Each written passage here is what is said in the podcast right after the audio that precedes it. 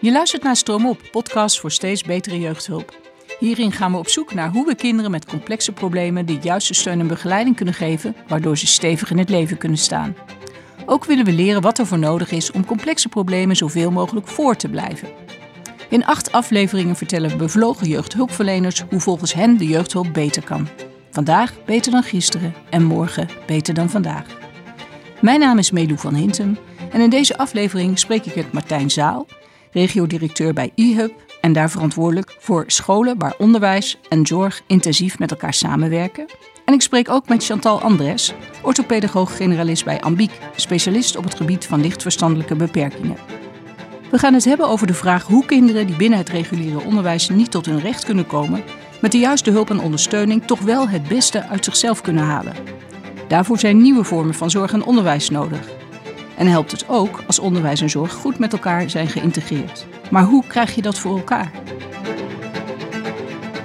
Martijn Zaal, welkom aan deze podcasttafel. je bent regio-directeur bij uh, eHub.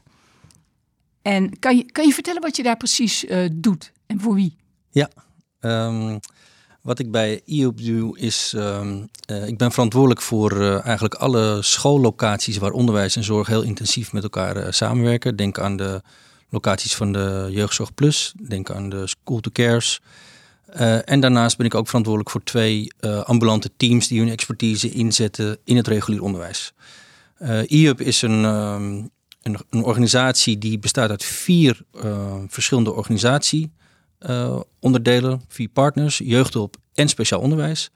En IUP uh, bundelt onderwijs en zorg uh, binnen de organisatie ook. En dat zit dus ook in mijn portefeuille. Oké, okay, je zei Jeugdzorg Plus kennen we allemaal, maar school, Schools to Care misschien niet?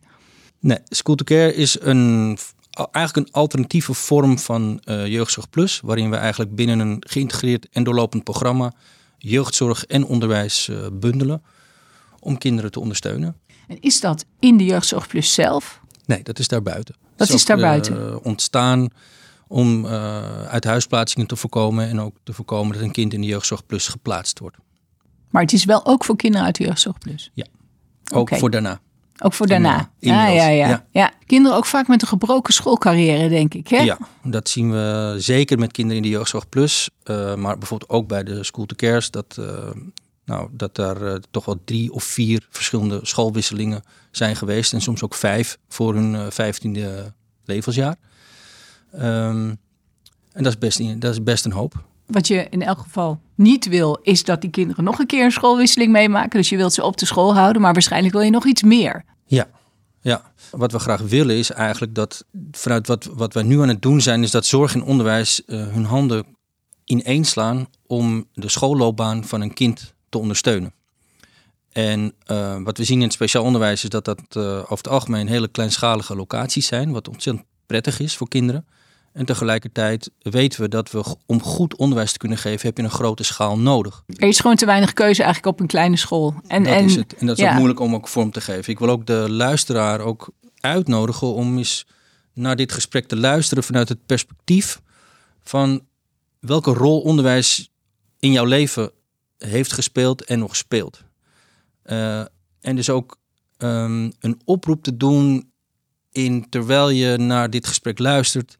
Welke bijdrage kun jij leveren vanuit de rol die je hebt, of je nou in het onderwijs werkt of in de jeugdhulp, bij het ondersteunen van een onderbroken schoolloopbaan voor kwetsbare kinderen. Vaak is het zo dat als we investeren in uh, de onderst ondersteuning op zorg, bij zorg zit ook vaak de pijn. Mm -hmm. Um, en waar zit vaak het perspectief en het talent? Dat zit vaak bij, uh, bij leren en ontwikkelen. Dus bij onderwijs en bij arbeid. Uh, we zeggen wel eens bijvoorbeeld, uh, ook kinderen die hebben, hebben een veilig thuis nodig. Eh, ze hebben ook een veilig thuis nodig op school.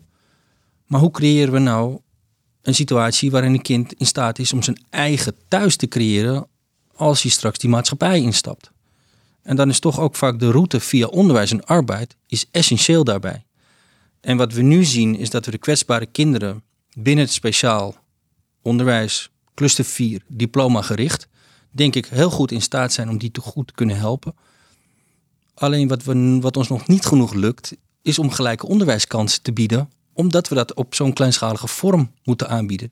Concreet, Het is soms ingewikkeld voor het speciaal onderwijs om dat kinderen ook te helpen met het behalen van diploma's, omdat we niet de juiste randvoorwaarden hebben. Nou, binnen zo'n jeugdzorg plus instelling, je, het is onmogelijk om een school te creëren op basis van 50 leerlingen, want je kunt nooit al die verschillende onderwijsbehoeftes bieden. Uh, en die mogelijkheden liggen wel in het regulier onderwijs. Dus als we nou al onze tijd, liefde en aandacht is, zouden inzetten om het regulier onderwijs daarin te ondersteunen, zowel vanuit het speciaal onderwijs als vanuit de jeugdhulp, dan liggen daar de kansen. Wat kom je tegen als je met die vraag naar het regulier onderwijs gaat? Ja, ik, wat, er ontstaan hartstikke mooie initiatieven. En je ziet ook dat uh, op het moment dat je de gesprekken voert, bijvoorbeeld met het regulier onderwijs, met de scholen, maar ook met de jeugdhulporganisaties, merk je dat eigenlijk daar heel veel uh, energie op zit. En dat mensen ook geloven in dat we op deze wijze het verschil kunnen gaan maken voor die kwetsbare groep. En tegelijkertijd, hoe, hoe overtuig je ze dan? Nou, het is soms niet eens een kwestie van overtuigen. Het is veel meer van hoe uh, geven we nou, uh, hoe gaan we nou oplossingen bedenken voor de onmacht die ook ontstaat? Hoe organiseer je een school anders waarin kinderen eigenlijk gelijke onderwijskansen kunnen hebben? Uh, maar we moeten denk ik meer doen aan het creëren van de juiste randvoorwaarden. en dat betekent inderdaad ook ander directeursgedrag, bestuurlijk gedrag. En ook een, ook een leerkracht die moet durven zeggen: ja, ik snap dit kind niet. Het lukt me niet om achter het gedrag te kijken. Nou, wat kan de jeugdhulp en de GGZ-hulp uh, daarin bieden om ervoor te zorgen dat dat beter lukt? en dat gaat nou eenmaal makkelijker in een kleine klas. Dat hebben we geleerd van de lessen van het speciaal onderwijs. Mhm. Want daar lukt dat beter. Alleen in het speciaal onderwijs lukt het dan weer niet om VMBO basis, kader, T, HAVO, VWO allemaal tegelijk aan te, bieden, En ook die diploma, um, diploma's ook daadwerkelijk te realiseren. Um, dus dat is denk ik de ene kant van de kant van het schoolse binnen het onderwijs. Aan de mhm. andere kant is het ook een uitnodiging aan de jeugdhulp en de GGZ-hulp om eens te kijken van wat nou als je het perspectief aanneemt waarin je onderwijs in het hoofd, het hart en in de handen laat vallen van jeugdhulpmedewerkers.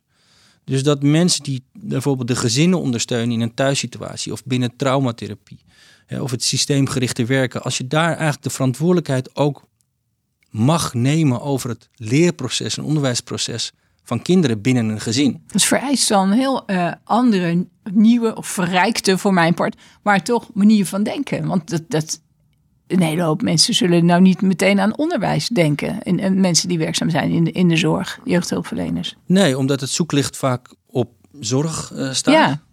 Uh, Hoe krijg je dat dan? Ik bedoel, hoe krijg je dat gekanteld? Of hoe krijg je dat perspectief erbij? Ja, dat is een uitnodiging ook aan de luisteraar mhm. hierin. Maar, jij, eh, maar jij weet vast ook hoe je mensen weet je kunt verleiden, behalve door ze een uitnodiging te doen. Ja. Hoe, ze, hoe ze op zo'n andere manier zouden kunnen gaan denken. Ja, dus werkelijk het verbeelden met elkaar. Dus uh, met elkaar de gesprekken voeren over. Stel nou dat uh, jeugdbescherming de term veiligheid oprekt. Of onveiligheid oprekt. Door bijvoorbeeld te zeggen: als een kind thuis zit, is dat super onveilig. En dat betekent dat er direct actie moet worden ondernomen om weer die veiligheid te kunnen bieden. Want leren en ontwikkelen en onderwijs is eigenlijk een basis, uh, is een voorwaarde om op te groeien binnen een, uh, om op te groeien naar volwassenheid op een veilige manier, bijvoorbeeld. Ja, Thuiszitters zijn eigenlijk even on, ja. zitten in een onveilige situatie. Thuiszitters zitten in een onveilige situatie. En dat, dat is iets anders dan fysieke uh, veiligheid. Maar als het gaat over eh, mentale veiligheid en daadwerkelijk ook participeren in deze maatschappij, is dat van essentieel belang om dat aan de zorgkant dat beeld ook op te rekken. En hoe gaan we uh, jeugdhulpmedewerkers uitnodigen om ook verantwoordelijkheid te mogen nemen voor zo'n onderwijsproces? Dan wel toegevoegd aan de school, waar het leren is, maar het kan ook natuurlijk, hoe ga je ouders helpen om die connectie met school te maken? Ik weet niet, uh, er zullen natuurlijk ook luisteraars zijn die kinderen hebben. En als uh, de, de, de basisschool belt omdat er wat aan de hand is, is het, is het vaak je directe aandacht gaat daar naartoe. Want je wil die band met die school goed houden. Nou, een hele hoop ouders lukt het ook niet, omdat die zoveel problemen aan hun hoofd hebben. Mhm. Of niet, gewoon simpelweg niet weten hoe het onderwijssysteem in Nederland werkt. Daar is hulp bij nodig, bijvoorbeeld. Mhm. Dus hoe stutten en steunen en ondersteunen we voor de kwetsbare kinderen hun schoolloopbaan om ervoor te zorgen dat die zo min mogelijk wordt onderbroken en tegelijkertijd hun kansen gelijk zijn om daadwerkelijk ook diploma's bijvoorbeeld te halen of een mooie uh, plek uh, in de maatschappij als het gaat over arbeid, zodat je eigenlijk je, je eigen thuis ook kunt creëren. En dan zou je toch met het hele idee van school eigenlijk los moeten laten, maar het gaat er meer om dat je zegt, we moeten op zo'n geïntegreerde manier denken en dan kijken we hoe, we dat in de praktijk kunnen doen. Van de ene keer zitten kinderen misschien uh, niet de hele tijd in een reguliere klas, maar worden ze er af en toe uitgehaald. De andere keer is een begeleiding in zo'n klas. Er zijn misschien kinderen die het niet trekken om een hele week naar school te gaan. Ja, dit zijn, uh, dit, die kunnen bijvoorbeeld mooie, van dat soort dingen. Van, wat, wat is allemaal. Het moet eigenlijk heel vrij erover kunnen denken. Kun, ja. kun je daar wat voorbeelden van? Ja, van je moet er denk ik vrij over kunnen denken. En tegelijkertijd ook weer heel praktisch naar het kijken van hoe ga je dat dan organiseren. Ja. En uh, wat je net al benoemde, dat zijn al verschillende uitingsvormen als je die, dat, dat, dat, die schoolloopbaan, het onderwijstraject centraal zet, dan kan het zo zijn dat het voor een kind een tijd tijdelijk nodig is om even niet op de school mhm. toch het onderwijsproces te volgen. En dat het nodig is om daar even wat meer tijd en aandacht te besteden aan de zorg die er nodig is. Maar dan nog zou je wensen dat een kind zijn schoolloopbaan niet onderbroken wordt en contact kan onderhouden met de mentor. Of die fijne uh, leerkracht van geschiedenis, waar hij zo goed contact mee had, die hem eigenlijk uh, die stimulansen gaf om verder te gaan, zeg maar. En nu wordt, is het vaak noodgedwongen dat een kind eigenlijk dat een knip komt in die schoolloopbaan, waardoor, een, uh, eigenlijk, waardoor je weer een, een, tweede of een derde trauma organiseert van afwijzing en niet bijhoren en vervolgens weer op een nieuwe locatie moet kunnen verbinden en langzamerhand het vertrouwen ook afneemt in volwassenen en überhaupt het vertrouwen in zichzelf om tot leren te kunnen komen. Mhm. En bedoel, mijn, uh, mijn, mijn, mijn terrein is eigenlijk het, het, het voortgezet speciaal onderwijs. Maar waar we moeten beginnen is op de basisschool. Uh, scholen veel meer neerzetten als een community. Uh, waar eigenlijk ook, waar het nodig is, ondersteuning en hulp wordt geboden voor ouders. Die het moeilijk vinden om hun kind te begeleiden in een onderwijsproces. Um, dus het is een en-en uh, situatie. Het is niet alleen maar dat het voortgezet speciaal onderwijs beter moet samenwerken met voortgezet onderwijs en jeugdhulp, maar we moeten echt ook helemaal tegelijkertijd ook naar de voorkant. Uh, om te voorkomen dat kinderen uiteindelijk worden uitgesloten en bijvoorbeeld in zo'n jeugdzorg plus instelling terechtkomen. Uh, volgens mij zijn we toe aan het, op, opnieuw bekijken in hoe we nou eigenlijk kwetsbare kinderen helpen. en um, nou ja, passend onderwijs, het hele gesprek daarover, um, vraagt eigenlijk meer dan alleen te bedenken dat je een passend ondersteuningsaanbod hebt op een school. Het gaat eigenlijk hoe kijk je opnieuw naar dat hele construct van speciaal onderwijs en regulier onderwijs. Hoe kun je nou zonder te oordelen over elkaar waarom dingen nou wel of niet lukken, eigenlijk de expertise bundelen om eens te zeggen van die schoolloopbaan van een kind staat centraal. En binnen die loopbaan hebben verschillende mensen met verschillende expertises een hele duidelijke verantwoordelijkheid daarin. En het kan zo zijn dat een tijd, dat, er een, dat een, tijd, een kind een tijd lang even op een van de locaties van een speciaal onderwijsorganisatie zit. Maar dat moet er niet toe leiden dat de schoolloopbaan wordt onderbroken. Dus dat er altijd contact blijft met een school van herkomst of met een school van de toekomst, bijvoorbeeld. Dus dat zijn, uh, denk ik, uh, een aantal leidende principes die ons gaan helpen om daar anders over te denken. Hoe ziet het dan uiteindelijk, als je erover nadenkt, wat, wat zie je dan voor je hoe, hoe dat er uiteindelijk uit gaat zien? Ja, dat, als je deze vraag aan mij stelt, heeft het heel veel verschillende beelden eigenlijk. Uh, want nou, noem eens een paar. De Randstad heeft een, een heeft een ander beeld dan, uh, dan, dan, uh, dan buiten de Randstad, bijvoorbeeld. -hmm. En ik kan me dus voorstellen dat een speciaal onderwijsschool, voortgezet onderwijs, uh, echt um, bijna geadopteerd wordt door een aantal reguliere onderwijsscholen, als het ware. Hè? Ja, ja, ja. En dat de GGZ-hulp en de jeugdhulp onderdeel worden van het partnerschap. En dat ze eigenlijk met elkaar de verantwoordelijkheid nemen voor 50 uh, eh, speciale, specialistische onderwijstrajecten. zodat kinderen een, hun HAVO-diploma kunnen halen of een VMBO-basisdiploma kunnen halen. Echt afhankelijk van uh, de onderwijsbehoeften van een kind. Ja, zo ziet dat, kan dat er bijvoorbeeld in de Randstad uitzien. Mhm. En dat er steeds een soort hybride vorm is van samenwerken. En dat je de, de omgeving creëert die op dat moment nodig is voor een kind. Misschien drie, vier maanden heel intensief met traumabehandeling. Waar het onderwijsproces wel doorloopt. en na die behandeling opschalen en eens te kijken van hey, kun je een aantal lessen alweer volgen met je school van herkomst of op de school van je toekomst. Uh, dat is bijvoorbeeld een beeld uh, daarbij.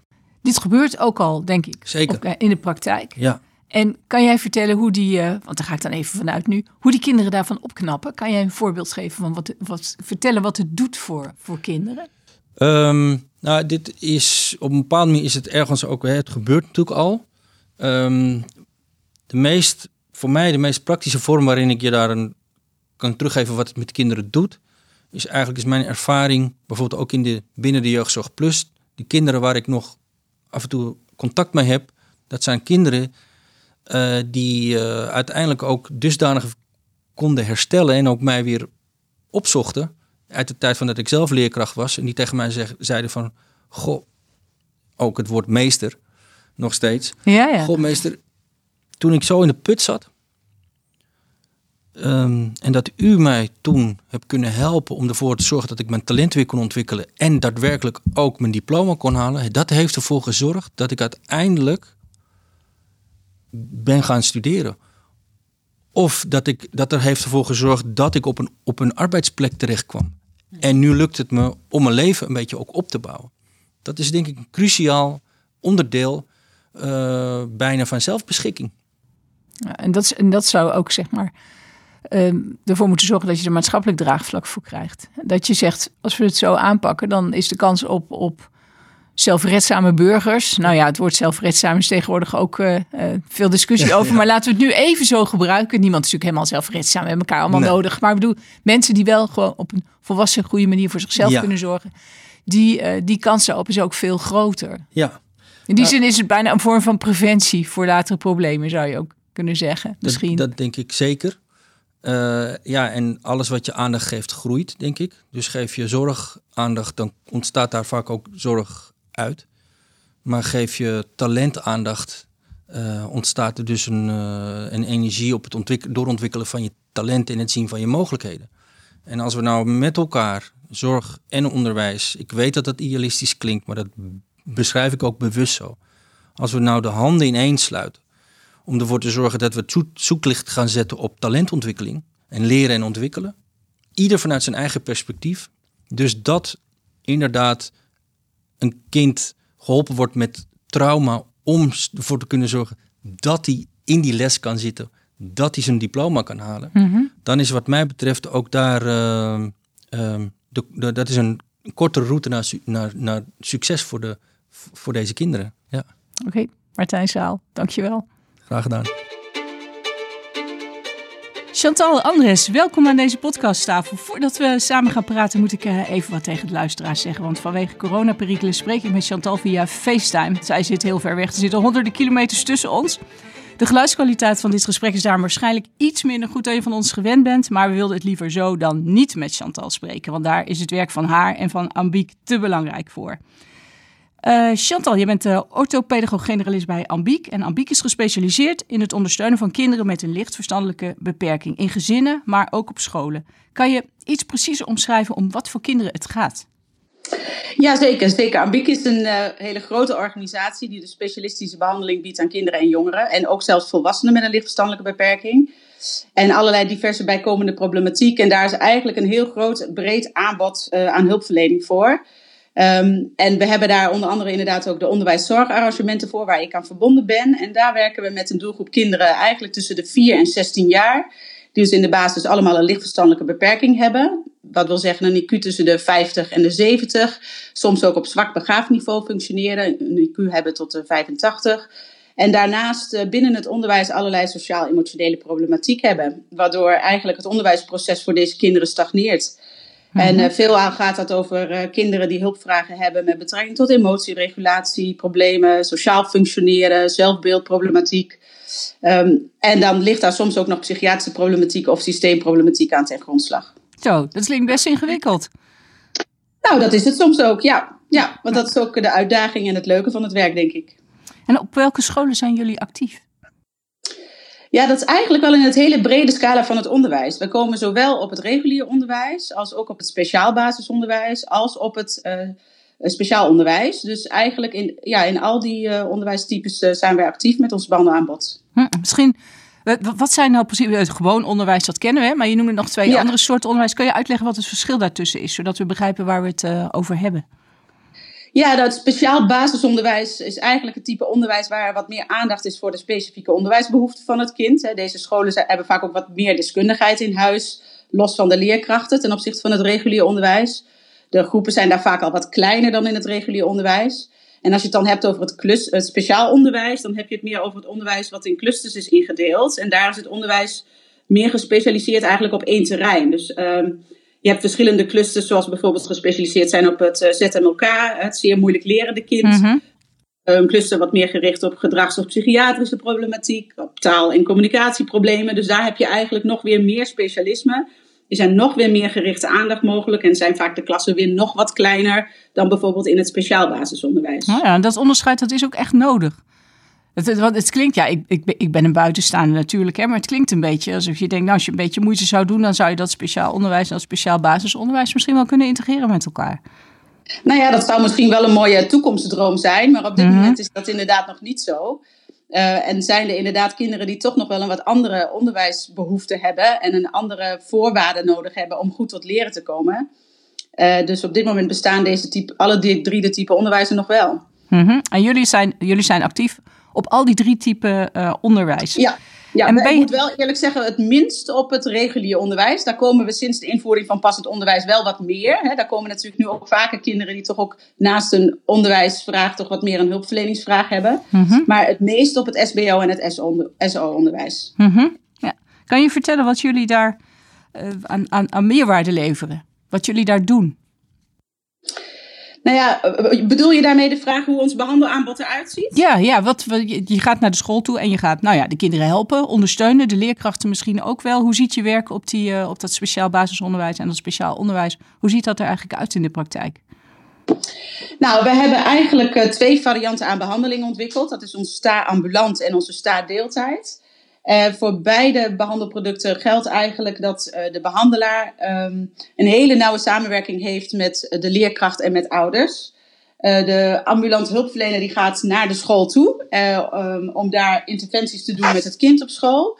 Maar daarnaast, wij hebben heel erg ons behandelaanbod um, ja, ontwikkeld vanuit een systemische blik. Hè? Dus dat we eigenlijk het kind altijd zien in relatie met zijn omgeving en op die manier kijken naar het gedrag. En daarmee zijn eigenlijk ouders en leerkrachten ook altijd onlosmakelijk verbonden aan deze hele behandeling. Dus de interventies zijn nooit alleen gericht op het kind, maar ook um, ja, op leerkrachten het meedenken uh, wat zij kunnen doen in het aanpassen van hun onderwijssetting en hun gedrag richting het kind. Maar ook uh, ouderbegeleiding bieden in gezinnen waar ook naast de problemen op school misschien ook allerlei thema's wel spelen.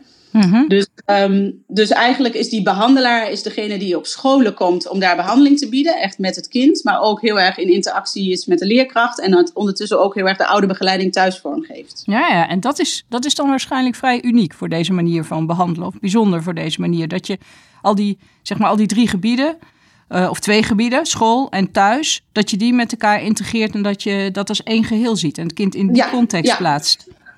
Ja, dat is inderdaad wel inderdaad een heel specifiek uitgangspunt voor, onderwijs, voor onze onderwijszorgarrangementen. Dat de, er zijn meerdere organisaties die onderwijszorgarrangementen bieden, maar wij hebben echt wel het uitgangspunt genomen van juist op die verschillende leefgebieden investeren.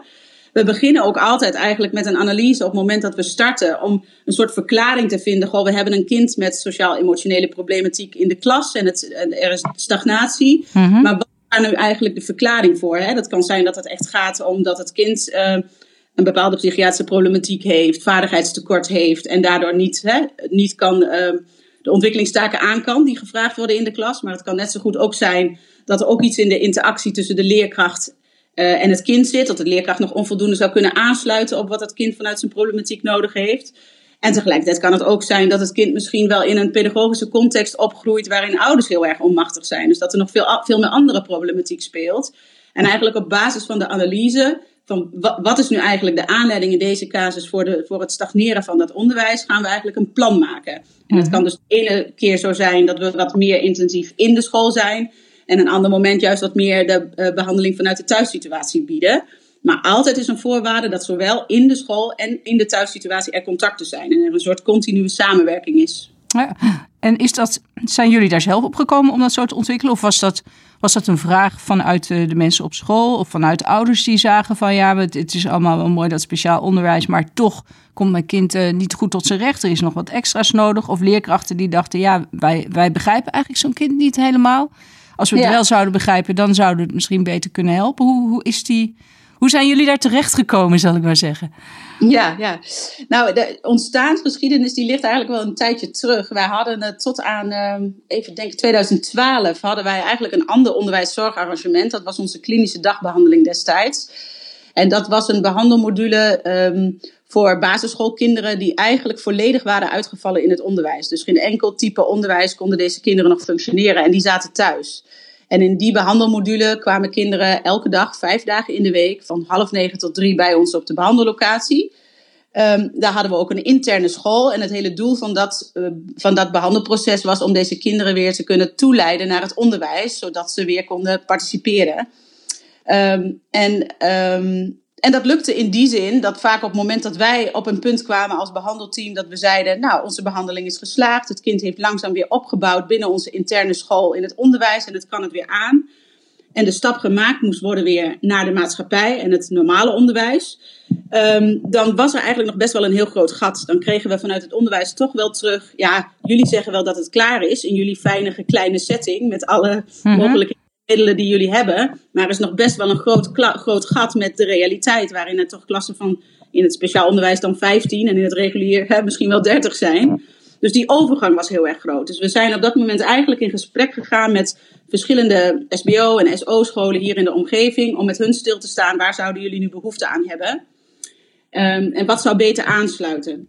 En eigenlijk kwamen er twee uitgangspunten uit. En het ene was eigenlijk uh, we zouden eigenlijk veel eerder moeten instappen in het proces. Dus niet wachten tot het kind al volledig is uitgevallen en het helemaal geëscaleerd is. Maar veel eerder als hulpverlening aansluiten bij deze kinderen. En dus ook meer preventief kunnen werken. En het andere was, we moeten niet het kind uit die onderwijscontext uh, halen en op een aparte locatie die behandeling vormgeven. Maar laten we die behandeling nou in de context gaan organiseren waar het kind ook daadwerkelijk moet functioneren. Mm -hmm. Ja, ja. En dat waren eigenlijk de nieuwe uitgangspunten om te gaan brainstormen van hoe gaat dat nieuwe behandelmodule er dan uitzien. Wat jij net vertelde, dat gaat dan vooral over die uh, ambulante behandeling, denk ik. En je zei, jullie hebben ook nog een deeltijdbehandeling. Hoe ziet die er dan uit?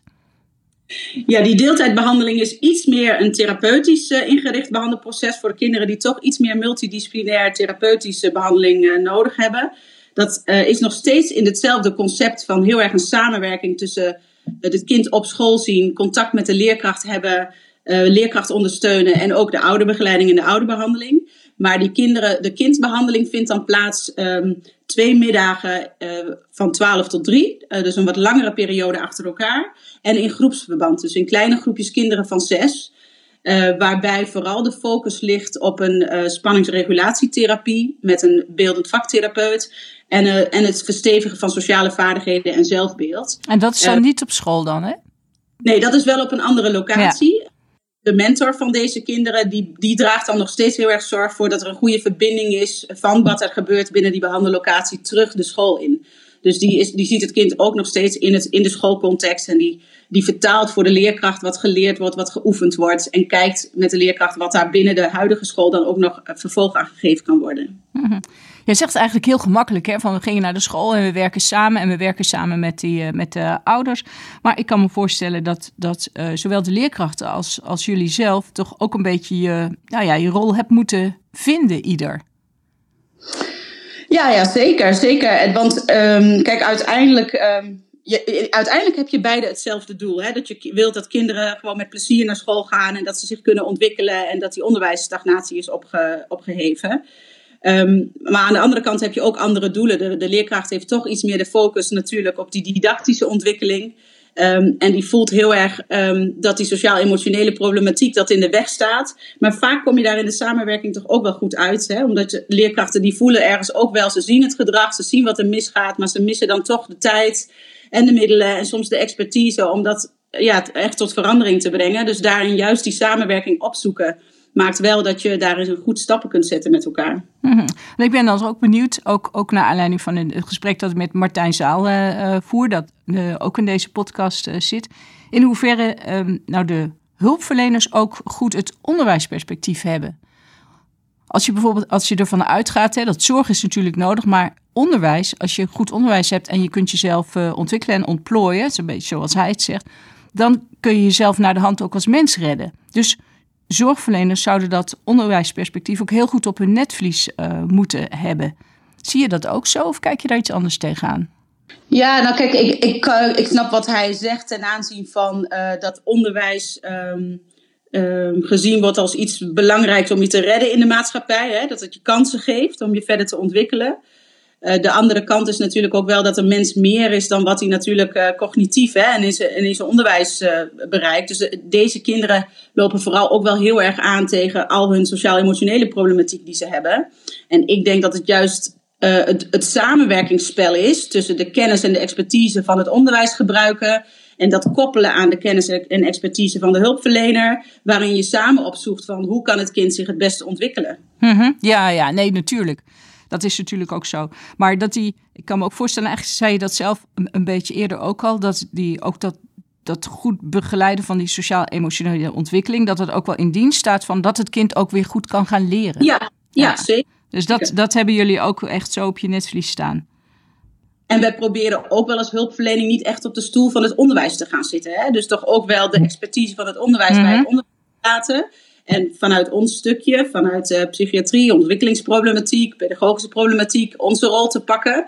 En juist daarin heel erg samen op te trekken. En het beste uit twee werelden te halen. Ja, want andersom kan ik voorstellen, geldt voor de leerkrachten natuurlijk ook dat zij zich op bepaalde momenten ook bij jullie expertise moeten verlaten. Juist uh, om, omdat jullie weten hoe kan je een kind op zo'n manier begeleiden dat het weer lekker in de klas zit. Ja, zeker, zeker. En natuurlijk zit daar een overlap in. Want zeker binnen dat speciaal onderwijs is er natuurlijk ook heel veel kennis over gedrag en over problematiek. Dus daar zit natuurlijk ook een grijs gebied in. Maar je kunt elkaar daar denk ik wel echt heel goed in versterken. Nou, je zei jullie zitten wat minder in het eh, regulier onderwijs. Vind je, dat, vind je dat terecht? Of zeg je, nou eigenlijk zouden we daar ook een goede rol kunnen vervullen? Ja, nou dat is, um, daar vervullen we af en toe best wel een goede uh, rol. Tegelijkertijd realiseer ik me ook wel dat wij als um, behandelcentrum gericht op specialistische zorg voor lichtverstandelijk beperkten um, niet de eerste aanzet zijn om binnen het regulier onderwijs misschien aanzet te zijn. We, komen er wel en we, we, kunnen daar denk ik ook wel van betekenis zijn, maar ja, we zijn toch eigenlijk een specialistisch behandelcentrum. Dus je zou toch denken van misschien dat andere vormen van hulp daarin um, nog vooraf gaan, zeg maar. Ja, ja, want zou jij zou jij iets zien uiteindelijk in een uh, soort integratie van het speciaal onderwijs met het regulier onderwijs, waarbij jullie dan in, in dat reguliere onderwijs actief zouden zijn, eigenlijk op de manier waarop je het nu in speciaal onderwijs uh, bent. Alleen er staan die twee verschillende typen onderwijs dan niet meer. Dat is, die zijn bij elkaar geschoven. Zou dat kunnen werken? Nou ja, wat wel hele mooie, mooie initiatieven zijn, want daar, worden wel, daar wordt op dit moment in Twente ook best heel erg over nagedacht, is um, wat, een, wat namelijk de keerzijde is van wat we nu doen, is wij, er zijn heel veel zorgaanbieders die allerlei producten en, en methodieken ontwikkelen om uh, het aan te kunnen bieden binnen dat onderwijs. Wat betekent dat voor het onderwijs? Dat ze met ontzettend veel verschillende zorgaanbieders te maken hebben. Het kan voor leerkrachten soms betekenen dat ze op maandagochtend iemand uit de GGZ hebben, uh, op uh, woensdagochtend iemand uit de jeugdzorg en in de middag nog iemand mhm. uit de ME, omdat er allemaal verschillende kinderen zitten met een verschillende hulpvraag. Dus waar we wel veel meer naartoe willen ontwikkelen, en dat is nog een vervolgstap op wat we dan nu hebben, is dat er aan verschillende scholen hulpverleners structureel verbonden zijn. Uh, die werkzaam zijn in een team uh, dat is samengesteld vanuit verschillende organisaties. Hè? Dus een aantal mensen uit de GGZ, een aantal mensen uit de jeugdzorg, een aantal mensen uit de lichtverstandelijke gehandicaptenzorg. Die daar samen een team vormen, maar die veel meer een onderdeel van die school worden. En die dus ook veel meer nog eerder kunnen signaleren, nog effectiever kunnen zijn vooral ook voor het onderwijs zelf, veel minder verschillende gezichten hebben. En op het moment dat je het zo organiseert, kan ik me ook voorstellen dat je dat binnen het regulier onderwijs ook op die manier kan organiseren. En dat je dan een soort, um, ja, een soort overgang krijgt. En dat misschien daarin minder verschillende typen onderwijs op termijn nodig zijn. Hmm, het is trouwens wel dramatisch wat je daar schetst, zegt dat beeld. Ieder, iedere dag of iedere dag deel iemand anders. Ja, uh, ja. dat is zeker. Dat is dus de, keerzijde van dat je heel mooi de beweging als hulpverlening maakt hè, naar het onderwijs. En daarin heel erg outreachend bent en daarin van alles aanbiedt. De andere kant is uh, dat dat voor het onderwijs soms echt uh, ja, wel heel heftig is en heel veel verschillende poppetjes betekent. Vandaar dus dan nu ook deze, dit soort nieuwe ontwikkelingen om gewoon veel meer vaste mensen te koppelen aan bepaalde type scholen. Zodat er één gezicht is en de lijnen korter zijn. En dan op een andere manier het specialisme gevonden kan worden. Ja, toch zou het dan mooi zijn als jullie zeggen van eerst, eerst uh, werkten we alleen in, uh, in, de klinische, in de klinische behandelsetting. Dat gat was te groot. Hè, wat, en, en daardoor zijn we nu op, op deze manier gaan werken met, uh, met STA, school, thuis, ambulant. En op de een of andere manier, zoals je er nu over praat, denk ik ook oh, misschien is het wel een volgende logische stap om weer een, een, een, een, ja, dat is dan niet misschien zozeer een, een, een gat, maar om een schot weg te halen. Ja, zou je, zie, zie, je dat voor de, zie je dat uh, voor je voor de toekomst? Of zeg je nou ooit, maar dan, uh, dan moet er nog heel wat gebeuren?